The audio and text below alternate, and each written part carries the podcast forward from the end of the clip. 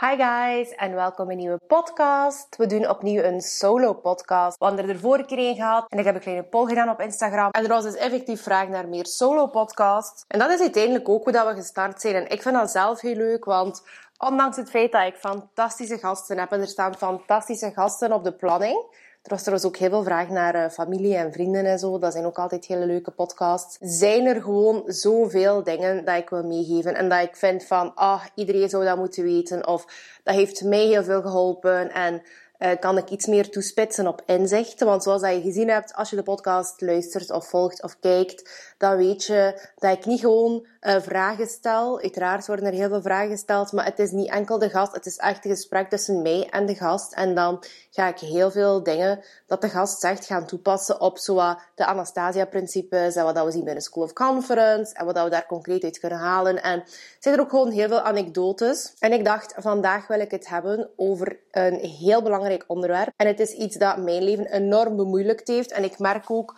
ja, sowieso van de berichten dat ik kreeg op Instagram tot de meisjes die zich inschrijven bij School of Conference, al wat er zo wat speelt in de eerste weken van School of Conference, uh, de onzekerheid of zo wat de negatieve gevoelens dat je mee zit. Um, dat is gewoon het gevoel dat je vastzit en dat je niet vooruit gaat. En like, life is tough, maar het is natuurlijk de bedoeling dat we allemaal super happy zijn. Of op zijn minst niet constant anxious en op je ongemak. Een kleine theepauze.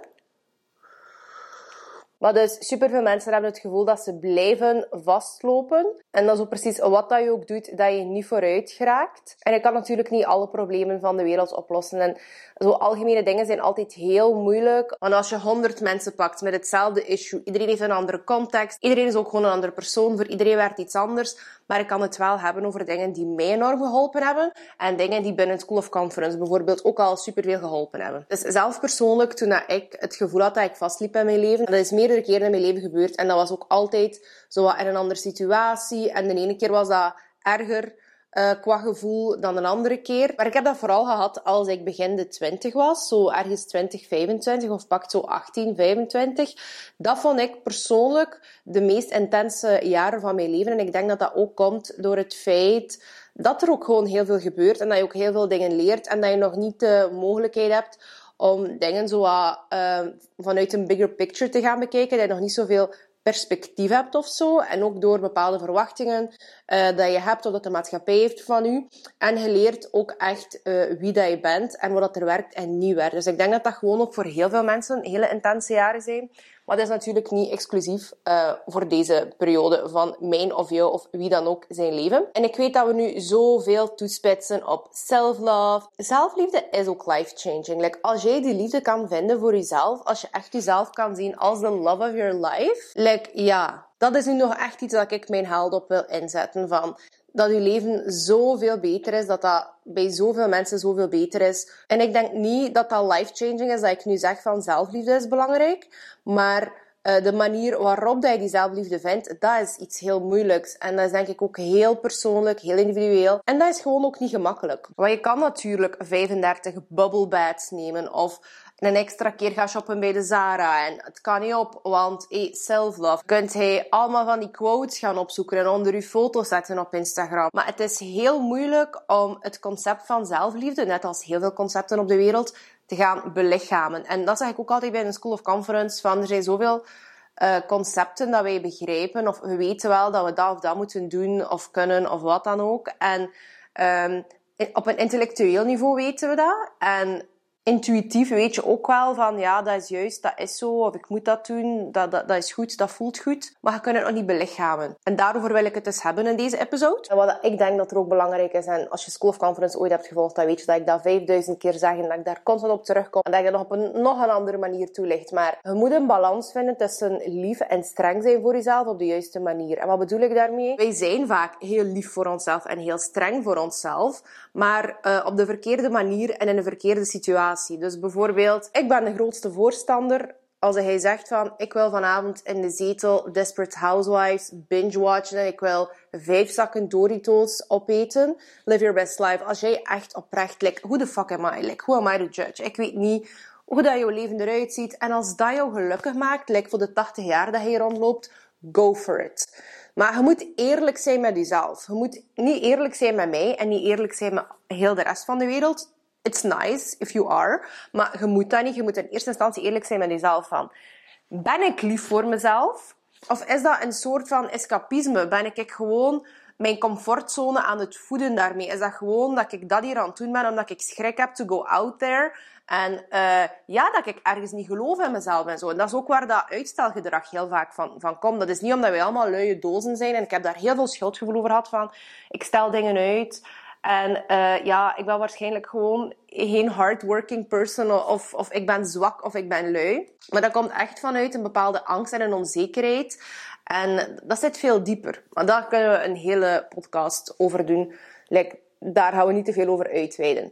En dan streng zijn voor jezelf. Heel veel mensen zijn streng voor zichzelf opnieuw. Eerlijk, of dat je lief bent voor jezelf met al je chipjes in de zetel, zijn je dan misschien streng voor jezelf op een manier van, heb bijvoorbeeld een fout gemaakt op het werk, heb daar een opmerking van gekregen en je begint dan meteen zo te ja, internaliseren van ik ben hier een slechterik, uh, die taak was niet goed, dus ik ben niet goed, ik ben niet goed genoeg, hey, domme koe, het is weer niet moeilijk, ah, ik kom dat toch altijd tegen. En dan zit je zo hard voor jezelf. Nu, uh, lief en streng zijn voor jezelf op, op, de juiste manier, dat is een balans die ja, dat ik zelf ondervonden heb. Dat is niet gemakkelijk om dat te vinden. Maar denk eraan hoe dat je zou zijn ten opzichte van je kind. En wij, wij zijn zelf ook dikwijls uh, kinderen geweest die dat niet altijd ja, zo ervaren hebben. Dat iemand zo goed was voor ons. En volgens mij loopt gewoon heel de wereld half getraumatiseerd rond met alles wat in onze kindertijd is gebeurd. Um, en dat hoeven niet altijd hele zotte, zotte dingen te zijn. Dat kunnen ook kleinere dingen zijn, wat het niet erger maakt. Maar wij geven zo dat innerlijke kind en zo niet genoeg aandacht. En onlangs is er een uh, film verschenen op Netflix, Stuts, S-T-U-T-Z. En dat is Jonah Hill, die met zijn uh, psycholoog, Phil Stuts, een geweldige man, eigenlijk een gesprek aangaat over mentale gezondheid, maar op zo'n toffe manier. En die heeft concrete tools. En dat is zo profound. Als je sukkelt nu en je zegt van, ik, ik kan niet naar een therapeut gaan of ik kan niet of ik wil dat niet, of wat, wat, kijk alsjeblieft gewoon naar die film. En die geeft concrete tools en dat zit zo goed in elkaar. Dus die man, die staat, dat is een man van 75 jaar met uh, Parkinson. En die is hilarisch. En ik heb een vriendin Kitty waren aan het kijken en wij, wij zeiden alle twee van, dat is toch geweldig. Als je daar dan toch moet zitten en je doet dat voor jezelf, die therapie, je betaalt daarvoor, dan kun je zo wel ook geëntertained worden. Want die man is, die heeft heel veel humor, die is, ah, geweldig. Ja, hele goede tools. Ik heb het boek ook gekocht. Ik ga het boek ook nog een keer lezen. Uh, het boek noemt ook The Tools van Phil Stutz. En heeft dat met iemand anders geschreven, dacht ik. Ik ben volledig aan het afwijken. Maar daar wordt er ook heel vaak gesproken over dat innerlijke kind. En hoe dat je daarmee zou omgaan. En dat zeg ik ook altijd bij een School of Conference van... Ja, je zou nooit, nooit, nooit naar je eigen kind of iemand anders zijn kind. Als dat kind van streek is, als dat kind verdrietig is of, of boos of...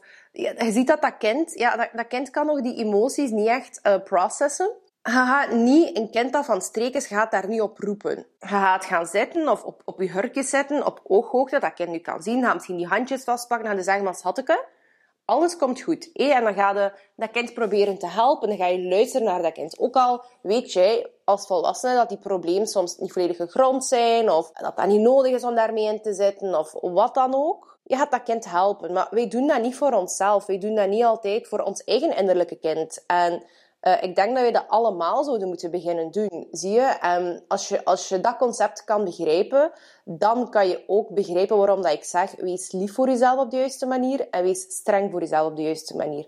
En op de juiste manier kan het dan misschien zijn, even ik ben streng voor mezelf van potverdorie, ik heb mij voorgenomen dat ik uh, twee keer in de week ga sporten of wandelen of wat dan ook voor mijn mental health. Ik weet dat mijn lichaam daar deugd van heeft. Ik weet dat ik mij fitter voel. I need to get out there and I need to move. En hebt geen zin, ja, dan ga je even moeten streng zijn hè, voor jezelf. Dan ga je niet jezelf moeten uitkakken van ik ben een domme koe of uh, nee, van hup, you're a bad bitch, chop chop, put on those leggings Like, en we zijn weg. En lief zijn voor jezelf, dat kan ook zijn inderdaad als je die opmerking gekregen hebt op je werk van er was iets niet goed. En je voelde daar misschien even slecht over of je bent even teleurgesteld in jezelf of je wordt daar heel onzeker van. Dan kan je even zeggen aan jezelf, zo die inner pep talk doen van ah, het is oké en ik ga het zien als iets positiefs. Het is een ervaring, ik leer bij. En uh, ik ben daar dankbaar voor. Ik ben dankbaar voor deze ervaring. En ik heb gemerkt van, als je uh, feedback krijgen op bepaalde punten in je leven. En dat is niet altijd de feedback in de vorm van je wordt in de lucht geprezen. Ja, it happens to all of us. Uh, dat je daar gewoon ook dankbaar voor bent en dat je dat ook laat blijken. Dat komt ook altijd heel matuur over. Uh, en dat weten mensen ook van, kijk, dat is iemand die aan zichzelf wil werken en die wil het goed doen. Um, niemand is perfect. Ja, ik heb met zoveel mensen al gewerkt en ik heb nog geen één persoon tegengekomen die op een robotische manier alles perfect doet. Ik ook niet. Ja, we kunnen alleen maar allemaal ons best doen. Dus probeer jezelf zo wat te zien. Lekker dat je je kind zou behandelen, zoals je bijvoorbeeld je zus zou behandelen, je, je mama, je papa. En hé, als ik zeg van, steek een keer je handen in de lucht. Als je alleen maar perfecte mensen in je omgeving hebt, perfecte vrienden, perfecte ouders, perfecte kinderen. Niemand, niemand zal zijn handen in de lucht steken. Maar je ziet die mensen doodgraag en je gaat er alles voor doen en je bent empathisch. Maar waarom kan je dat niet voor jezelf doen? Ja, dat is jezelf zien as the love of your life. Dat is zelfliefde. Dat is niet zeggen van, oh, ik ben hier de allerknapste persoon op de wereld. En ik zeg altijd voor te lachen bij een school of conference, en dat staat ook op mijn mugs en zo tegen de meisjes van, I'm the hottest bitch that ever lived. Maar dat wil niet zeggen dat ik de hottest bitch ben that ever lived, of dat hij the hottest bitch bent that ever lived. It's not a competition. Het is geen wedstrijd, er is geen hiërarchie. Uh, iedereen is the hottest bitch that ever lived. Like, ik ben de queen of my own universe obviously I'm the queen. Het is, mijn leven. Maar jouw leven en jouw universe, zeg hij ook de queen. Dus zie jezelf as the love of your life. En wees daarin streng op jezelf, op de manier van, hoe spreek ik eigenlijk tegen mezelf? Dat ik ook vaak zeg bij een uh, School of Conference, is van, als je uh, constant van die gedachten hebt, of negatieve gedachten, als je dat niet altijd merkt van, uh, like when those negative thoughts just slip by, probeer dan gewoon zo, zeker in de auto, zeker als je alleen bent, zo luid op te denken. Zo echt dingen luid op te zeggen dat je denkt. En dan besef je soms van, oef, like, sis, uh, dat is niet oké. Ik ben echt heel hard voor mezelf. Ik zou nooit zo spreken over iemand anders. En als je echt die plaats kan vinden binnen jezelf, waarbij dat je echt jezelf belangrijk genoeg vindt. Je vindt jezelf belangrijk genoeg, bijvoorbeeld als je kind morgen zegt, ja, ik ga op hockey en het is kun je niet rijden. Het is wind en regen. En doe het toch, want dat kind is zo belangrijk voor je en dat is belangrijk voor dat kind. Dan ga je dat toch doen. Heb je daar zin in voor nog in je auto te kruipen achter dat je een hele dag gewerkt hebt? Waarschijnlijk niet. Nee, maar ga gaat het toch doen. Like als je kind zegt, ik wil op ponykamp. En je weet, ah, dat is mijn kind zijn grootste droom. Dat is ook zo belangrijk voor uh, een goede jeugd hebben of wat dan ook. Ja, niet dat kinderen altijd alles moeten krijgen, maar you know what I mean. Like, You make it happen. En ik denk dat er duizenden, zo niet ja, miljoenen ouders zijn op deze wereld die right now, at this very moment, ervoor zorgen dat, ja, that it just happens. Makkelijk of niet makkelijk, they just make it happen. Omdat je kind zo belangrijk is voor jezelf. Dus als je jezelf ook zo belangrijk vindt, dan, uh, ja, you will make it happen. En soms moet je echt ook zo, ja, ik, weet, ik wil niet te veel Engels babbelen, maar het kan niet anders, want ik vind dat dat niet overkomt in het Nederlands. Maar you have to be tired of your own bullshit. Ja? Je moet het volledig gehad hebben met al je shit, al je zever, al je eigen excuses. En dan gaat het er wel iets mee doen. Want dat is hetzelfde als je een vriendin hebt en die zit in een break-up en dat is een week zo of een maand zo. En achter zes maanden heb je misschien ook zoiets van, like, sorry, maar ik heb niet meer de mentale capaciteit om hier naartoe te luisteren. Zo kan je het ook gehad hebben met je eigen bullshit. En als je jezelf belangrijk genoeg vindt, als je echt in die plaats kan komen en streng zijn op jezelf, like, you're not a weak bitch. Oké, okay? like, je moet niet streng zijn op jezelf op de slechte manier, je moet streng zijn op jezelf op de goede manier. Like, you're not a weakling, you can totally do this duizenden mensen op deze wereld maken hun dromen waar. Die zijn niet per se slimmer dan jou, of zijn van een betere afkomst, of zijn knapper, of rijker of wat dan ook. Er zijn, natuurlijk zijn er mensen die, die, die een veel makkelijkere start gehad hebben of die bepaalde privileges hebben. Maar er zijn ook mensen die van veel ergere situaties komen, die het ook doen. Ja? Dus focus daar dan misschien een keer op, op dat moment. En wees consistent. Als hij zegt van, ik wil dat doen, is het jouw verantwoordelijkheid om het ook effectief te doen. Dat is ook zo met School of Conference. Of veel mensen er mij niet sturen van, ik wil zo graag School of Conference doen, maar... En dan heel veel buts. En ik heb nog nooit gezegd van, jij nu moet je nu inschrijven. Ja, het is er, maar ik ga niet aanbellen aan jouw deur en zeggen van, jij nu meekomen. En toch sturen er mij zoveel mensen zoveel excuses van ja, ik kan het niet doen, maar en dan en dan denk ik van uh, er zijn uiteraard ook valid excuses. Ik ga niet zeggen of dat het valid is of niet valid, maar dat is iets uit jouw wereld. En ik kan u zeggen dat meer dan de helft van die excuses gewoon excuses zijn. Al zijn, je probeert je aan mij te verantwoorden Omdat je waarschijnlijk zo een beter gevoel hebt over jezelf, over het feit van, ja, ik ben nog altijd niet aan het werken aan mijn zelfontwikkeling en aan de beste versie van mezelf. Want ondanks het feit dat ik iedereen al het beste gun en al het beste wens, en echt waar, koop echt, ik zeg altijd, ik hoop dat iedereen morgen de lotto wint. Hoop dat je, ah, dat er van alles gebeurt in je leven dat plezant is. En de lotto winnen is ook niet alles.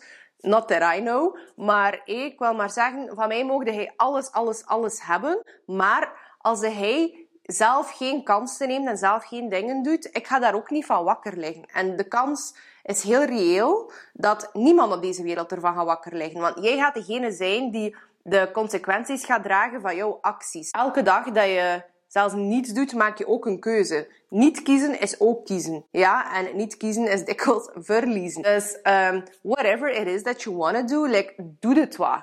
Doe het wat. Maak fouten. Like, ik denk dat er zoveel mensen te focussen op het feit van ik mag niks verkeerd doen, ik mag geen fout maken. Like, dat is de worst approach to life. Ik denk dat, dat het heel goed is om heel veel fouten te maken. En ik denk dat niemand op deze wereld weet hoe dat allemaal 100% werkt. Of 100% weet van ik zeg het juist of ik doe het juist of wat dan ook. Begin eraan en dan wees consistent en wees consequent. Als ik morgen zeg, ik wil surfen, ja, ga ik eerst de theorie moeten uh, onder de knie krijgen. En dan ga ik op een gegeven moment wel effectief ja, gaan moeten surfen op die golven. En surfen is voor mij zelfs too crazy. Ik ben al heel blij dat ik, heel blij dat ik met de auto kan. Dat was ook echt een hassel. Maar de eerste keer dat ik in die auto zat, met die rijinstructrice, en die had like, vrij veel vertrouwen in mij. En die, die heeft zelfs een dutje gedaan, denk ik, de derde les. En een hele rare vrouw, maar dat maakt niet uit. Ik was daar zelfs niet mee bezig. Ik was bezig met het feit van, ik ga dit nooit kunnen. Ik ga dit nooit kunnen, maar je moet het kunnen, want ja,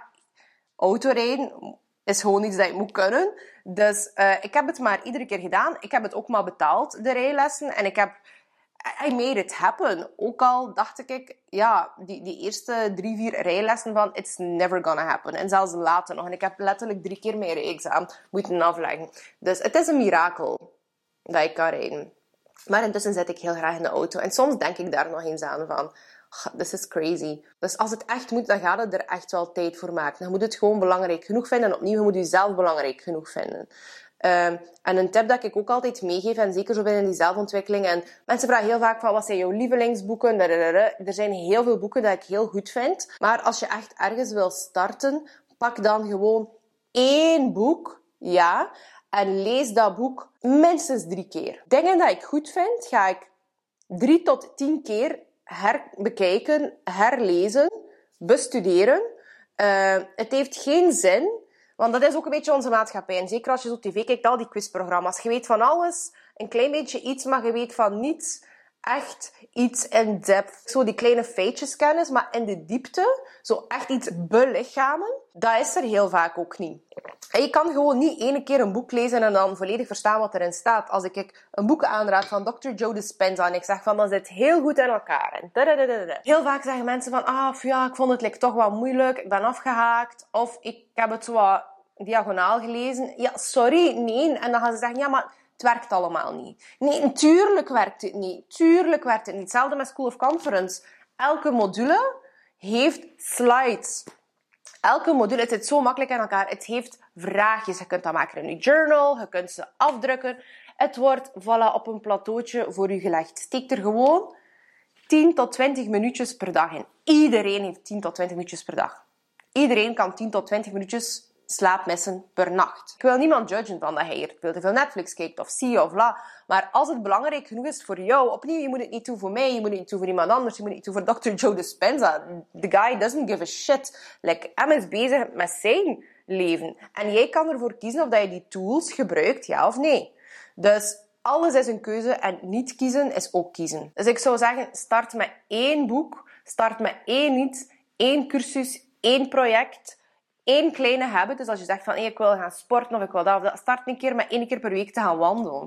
Like, kleine, like, uh, het boek Atomic Habits van James Clear, dat is een heel goed boek om daar een, een kickstart te krijgen. Maar dus in de plaats van alles echt in de breedte te gaan bekijken en overal iets mee te pakken, zo een buffet, wil dat of ik wil dat of ik wil dat of dat of dat of dat, één iets in depth. Is dat moeilijk? Is dat lastig? Ja. Leven is sowieso lastig. Dus wil je dat nu een klein beetje lastig is, of wil je dat heel je leven constant lastig is? Actie ondernemen is ook werken. En mentaal nadenken, en zeker als het gaat over zelfontwikkeling en boeken, Tuurlijk is dat werken. Mentaal werken is heel zwaar. En ik weet dat heel veel mensen in deze wereld zeggen van... Oh, I'm overthinking, I'm overthinking. Ik denk veel te veel na.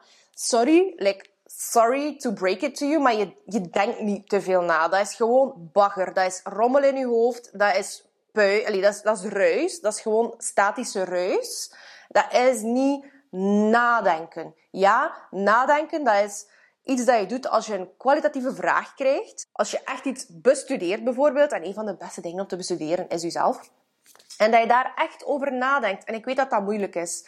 Ik weet dat sommige vragen moeilijk zijn om op te antwoorden. Dat je niet direct het antwoord weet. Uh, journaling, dingen opschrijven. Ja, dat is lastig. Ja, je bent erop afgeleid. En zeker in onze wereld nu, met onze TikTok en zo, alles is maar 15 seconden. On to the next. Het is moeilijk om stil te zitten, maar het is niet onmogelijk. Het is niet het moeilijkste dat iemand ooit op deze planeet gedaan heeft. Neem daar de tijd voor. Dat is ook zo.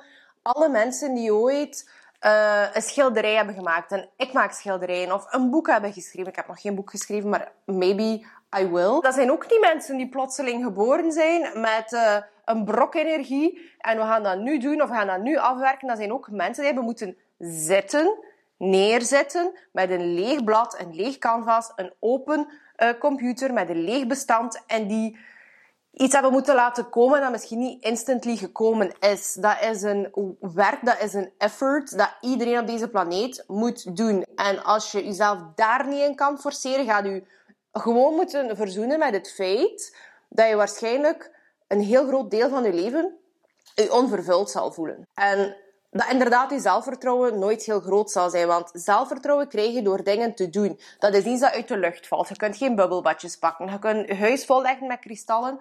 Maar dat gaat allemaal niets doen als jij niets doet. Iemand anders gaat dat doen voor u. En dus, als je straks zegt, Anna, ik ga uh, dat boek lezen van Atomic Habits. Of ik zal uh, de film kijken op Netflix. Dat heb ik zelf geleerd van Jim Quick. En dat is ook iets dat ik altijd meegeef bij een School of Conference. Dat is bijvoorbeeld de journal, de notebook dat iedereen krijgt bij School of Conference. Uh, is een deel van het welkomstpakketje. En er zit daar nog van alles en nog wat in. Maar dus als je bijvoorbeeld... Hey, pak, ik ga nu nog een keer naar Studs kijken. Of ik ga een boek lezen. Of ik ga een les volgen van het een of het ander. Ik ga mijn boekje erbij pakken, ja. Twee lege bladzijden. En ik ga dat opdelen. Dus mijn linkerkant en mijn rechterkant. Dus ik ga eerst kijken naar de content. dat kan zijn dat ik eerst een keer iets lees of iets bekijk gewoon, zonder het te bestuderen. Maar dat, meestal doe ik het wel van de eerste keer. Dus dan ga ik het pauzeren elke keer dat ik een aha-moment heb. Want like, ja, ik ben ook wel een klein beetje spiritueel en heb ik ook wel zoiets van... Like mijn spirit guides, angels, the universe is giving me a sign dat dat belangrijk is voor mij. It resonates with me, of mijn buik... Dat is, ah ja, heb daar goed gevoel bij. Dus dan ga ik dat pauzeren, ga ik opschrijven, dat inzicht of die zin of zo, die tip, ga ik opschrijven links. Ja, en dan ga ik dat volledig doen. Dan kan zijn dat dat een paar bladzijden zijn. En dan ga ik in stilte, of je kunt rustige muziek, een Tibetaanse fluit, mogen je ook, ook opleggen van mij. Ga ik dus alles nog een keer lezen dat ik opgeschreven heb, wat dat belangrijk is voor mij, wat ik daaruit gehaald heb. En dan ga ik dat rechts, dus bijvoorbeeld hier is er een tip, ga ik hier rechts een pijl trekken bijvoorbeeld, dan ga ik rechts opschrijven hoe dat ik dat concreet zal toepassen. En dat is zo life-changing, want dat is niet moeilijk. Ja, zo'n ding doen, dat is niet moeilijk. Is het extra effort? Ja. Maar als je een proper huis wilt, is twee keer per week dweilen misschien ook wel een extra effort, maar een extra effort die belangrijk is. Dus opnieuw, vind je het belangrijk genoeg? Ja of nee? Vind je jezelf belangrijk genoeg? Dat is fucking life-changing, omdat je jezelf echt in het werk steekt. Je activeert heel dat brein om na te denken van wat ga ik nu concreet doen? Links is de theorie, rechts is de praktijk. Wat ga ik concreet doen? Hoe kan ik dit concreet toepassen in mijn leven? En ga de even, gaan de radartjes, ga je ze misschien wel horen draaien. En zeker als je dat nog nooit gedaan hebt. That's great. Dat is geweldig. Ja? Like, cheers to that. Ting. En dan moet je opnieuw gewoon, en gewoon opnieuw klinkt weer heel simpel en heel easy peasy lemon squeezy.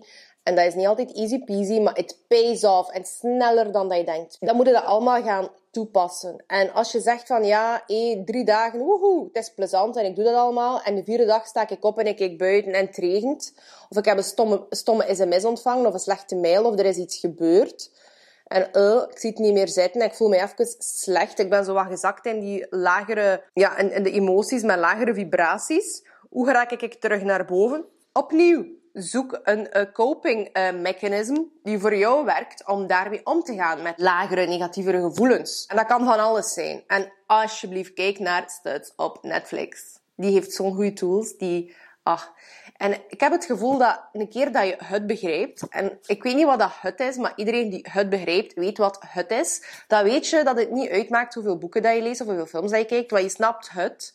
En het komt terug in elk boek, bij ieder persoon, allemaal op een andere manier. En de ene manier of de ene tool of hoe dat iemand spreekt of iemand als persoon, de een gaat wat meer met u resoneren dan een ander.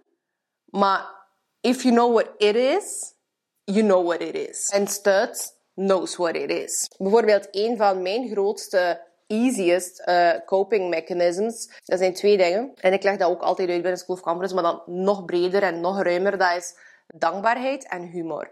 Ik ben iemand met de grootste zelfrelativering ever. En dat is echt mijn allergrootste asset. Ik kan zo goed lachen met mezelf. Ik kan zo goed dingen niet persoonlijk nemen. Maar als ik daarover verder moet uitweiden, dan zitten we hier nog vijf uur. Dus dat ga ik niet doen. En het andere is dankbaarheid. En dat is ook een van mijn doelen voor 2023, om nog dankbaarder te zijn. En soms zeg ik dat tegen mensen. En zeggen mensen zo van...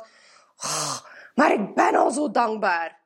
En dan denk ik, no you're not. Ik ben dankbaar opnieuw op een niveau van ik, ik weet dat intellectueel en intuïtief dat ik het veel beter heb dan heel veel andere mensen. Ik zit hier niet in een orkaangebied. Ik zit hier niet in de oorlog. Er is hier geen hongersnood. Dus ja, eh, intellectueel en intuïtief ben ik wel dankbaar. Eh, besef ik dat ergens wel. Maar het is zo wat meer met een greintje schuldgevoel bijna. Van, oh, van mag ik het nog goed hebben? Dat is wat heel veel mensen hebben. Maar echte dankbaarheid, dat is iets dat je voelt in je hart. Echte dankbaarheid is... Ah, dat is geen denkproces. Dankbaarheid is geen mentaal proces. Dankbaarheid is echt iets puur uit je hart. En het zet, oh kijk, ik heb daar rilling van. Dat zet ook gewoon alles open. Dat zet, u, dat zet zo heel je energieveld open. En dan kunnen al die goede dingen ook in je energieveld komen. Dat is toch wat ik wil geloven. En uh, er zijn daar ook, ook onderzoeken en zo naar geweest. It works. Maar los van het feit dat het werkt, is dat toch gewoon iets geweldigs. Als je, als je echt weet wat Mm, dat gevoel van dankbaarheid opnieuw moeilijk. En als je daar een boek over wilt lezen, The Magic van Rhonda Byrne.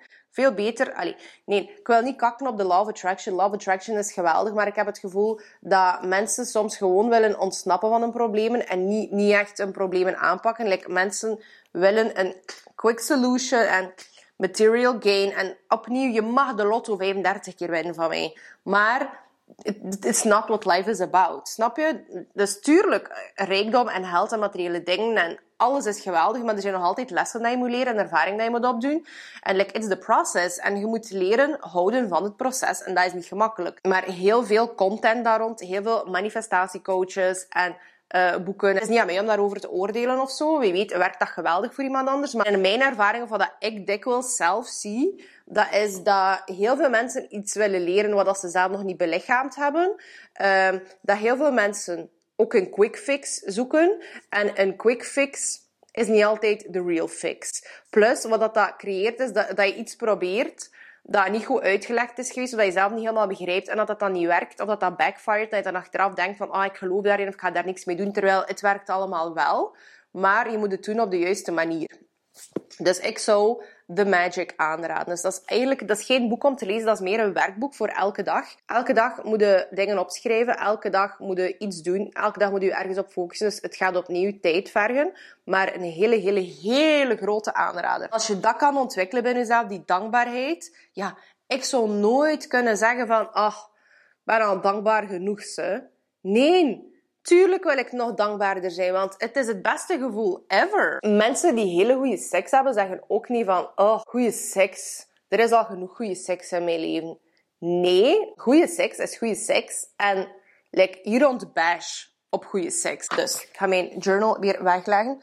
Uh, trouwens, School of Conference, de deuren zijn open. We gaan 6 maart van start en er zijn al superveel dames ingeschreven. En als je zegt van, ach Anna, al die shit, ik kan dat niet alleen. Like, wat ik nu in deze podcast aan het vertellen ben, dat is het topje van de ijsberg. Dat is, dat is, dat is dit. En er is zoveel meer en er is zoveel hulp. Dus als je hulp nodig hebt op dat vlak, don't hesitate. Plus, School of Conference is niet voor labiele mensen of zo. Ik heb het gevoel dat er heel veel wordt gedacht dat School of Conference is voor mensen die hyper onzeker zijn en het is allemaal slecht, het is allemaal negatief. Nee. Like, eerst en vooral, wij judgen daar niet zo over. Iedereen is wel going through shit at some point in their life. Maar hoe dat ik het graag zie, dat is niet iemand die onzeker is. Dat is gewoon iemand in een onzekere fase van hun leven. Het is niet dat die persoon negatief of labiel of onzeker of wat dan ook is. En ik vind het aan de ene kant ook erg dat mensen het woord labiel gebruiken. Nee, er zijn zoveel verschillende mensen. De meeste mensen zijn twintigers, dertigers veertigers ook wel. En dat zijn mensen van, ja, van housewives tot uh, entrepreneurs, tot mensen die voor radio en tv werken, tot influencers, studenten, mensen met een hondentrimsalon. Uh, we hebben mensen die bij de politie werken. We hebben echt letterlijk alle, alle, alle lagen en facetten van de maatschappij. En het is gewoon fucking nice, want iedereen heeft hetzelfde doel en dat is gewoon to live happy, to be fabulous. En ja, like, het is niet dat we Debbie Downers zijn de hele tijd. Het is echt wel heel positief en heel uplifting. Ja, maar dat is het allerlaatste dat ik dus wil zeggen, want ik heb het even gehad over die coping mechanisms en zo dankbaarheid en dingen niet zo persoonlijk nemen. Wat ik ook wil meegeven, dat is zelfs al zit je in een fase van je leven waarbij dat je bijvoorbeeld een onzekere fase of een fase waarbij dat je dingen leert, dat wil niet zeggen dat je daar zo rap mogelijk uit moet om dan een perfect little life te hebben. Want ik ben zelf natuurlijk een kunstenaar, maar ik zie het leven ook als een kunstwerk. Ik zie mijn leven als een kunstwerk en ik vind dat iedereen zijn leven zou moeten zien als een kunstwerk. En wie beslist er dat ene kunstwerk goed is en het andere slecht, omdat de ene persoon een celebrity is en die, die dingen mag dragen en doen en de ander niet? Want dat hoor ik ook heel vaak van, Anna, wie denk je wel dat je bent? Of, ja, zo een hala-kleed naar hier of naar daar. Like, who do you think you are? Dan denk ik zo, ja, who the fuck dus Paris Hilton thinks she is. Dat, dat is gewoon andere mensen die beslissen. En trouwens, Paris Hilton vind ik super fabulous, daar niet van. Maar ik wil maar zeggen, dat is gewoon socially accepted om zo te gaan naar een Met Gala, maar niet om zo te gaan naar de Carrefour en Zwevenzelen. Nu, ik loop me niet in mijn hala-kleed rond in een Carrefour en Zwevenzelen, but I totally could.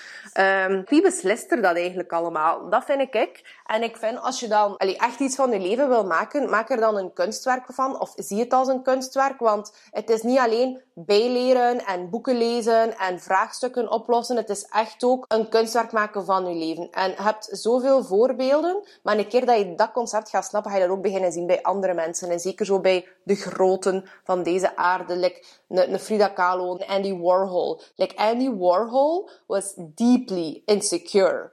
Like Andy Warhol photoshopte, dat was nog Photoshop avant la lettre, zijn pasfoto. Die wilde een no-job. Die had geen goede huid. Die was super onzeker over zijn uiterlijk. Maar die man heeft niet in een hoekje van zijn kamer liggen ween. Waarschijnlijk is dat wel meerdere keren gebeurd, maar dat was ook een immigrantenkind. En zelfs als die bekend werd als kunstenaar, waren er nog altijd heel veel art critics die zeiden van, ja, maar ja, who the fuck do you think you are? Dat is geen kunst, dat is commercieel, dat is... En ondanks zijn onzekerheid, he put himself out there. Heeft dat toch wel allemaal gedaan. En als je nu het leven studeert van een Andy Warhol, en als je dat wil, er is trouwens ook een hele mooie reeks daarvan op Netflix, dacht ik. Het is al even geleden dat ik het gezien heb, maar ik heb sowieso wel altijd een grote fascinatie gehad met Andy Warhol.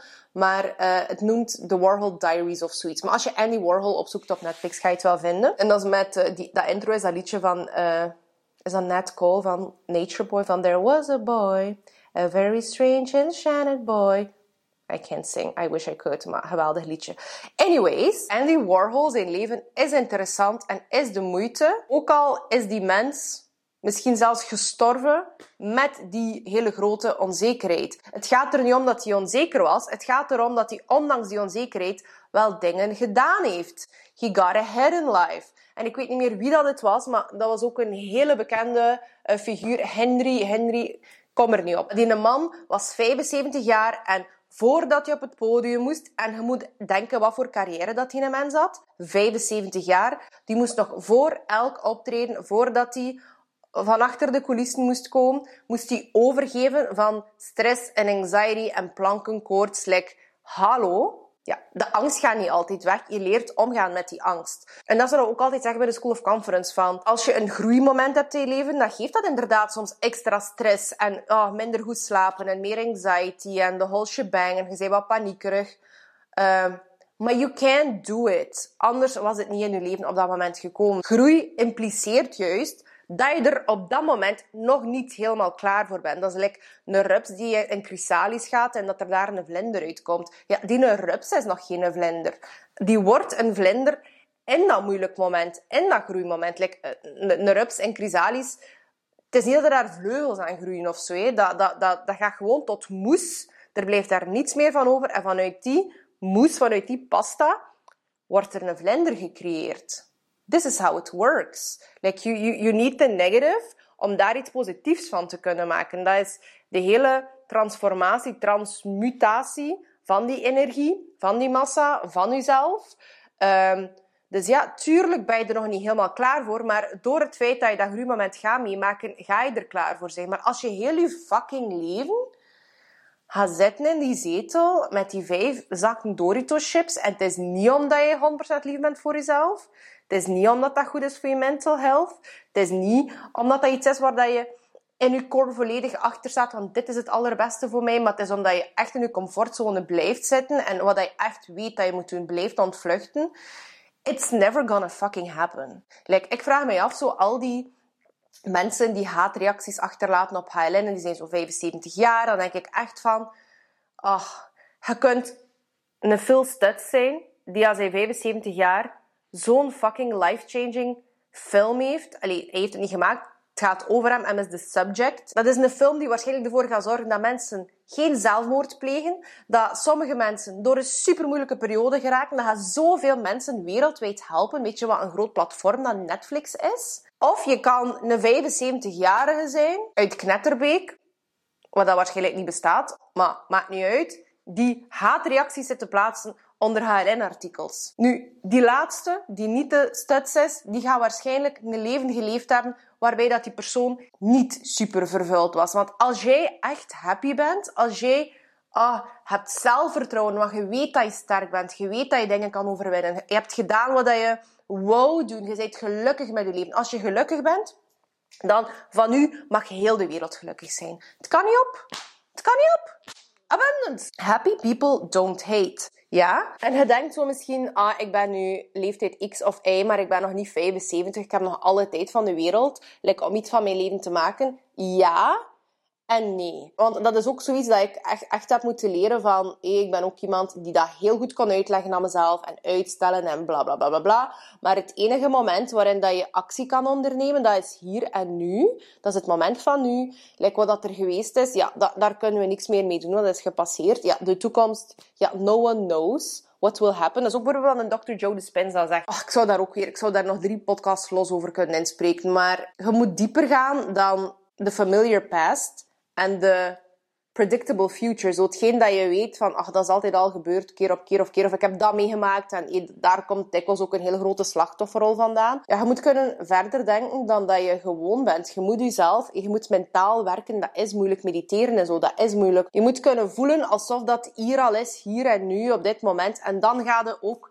veel gemakkelijker die een legging aandoen om te gaan sporten. Dan je veel gemakkelijker dat boek openslaan en mijn Jim Quick methode toepassen van links en rechts. En dat is nu misschien niet de meest orthodoxe uitleg, maar hoe dat ik het voor mezelf ook heb uitgelegd gekregen. Zo alles van Dr. Joe Dispenza. Nu, dat is natuurlijk, doe die de mens geen eer aan om het zo te zeggen. Het is echt in een hele kleine notendop. Als ik het onder één minuut moet uitleggen, dan zou ik zeggen van, je moet voor je dromen en je wensen en wat je zo wilt bereiken, je moet daar een, eh, een hard-on voor krijgen. Like, you need to get it up. Want even niet voor gevoelige luisteraars, maar een man die porno ligt te kijken, ja, daar zitten ook geen vijf vrouwen um, aan die zijn Piet te toveren.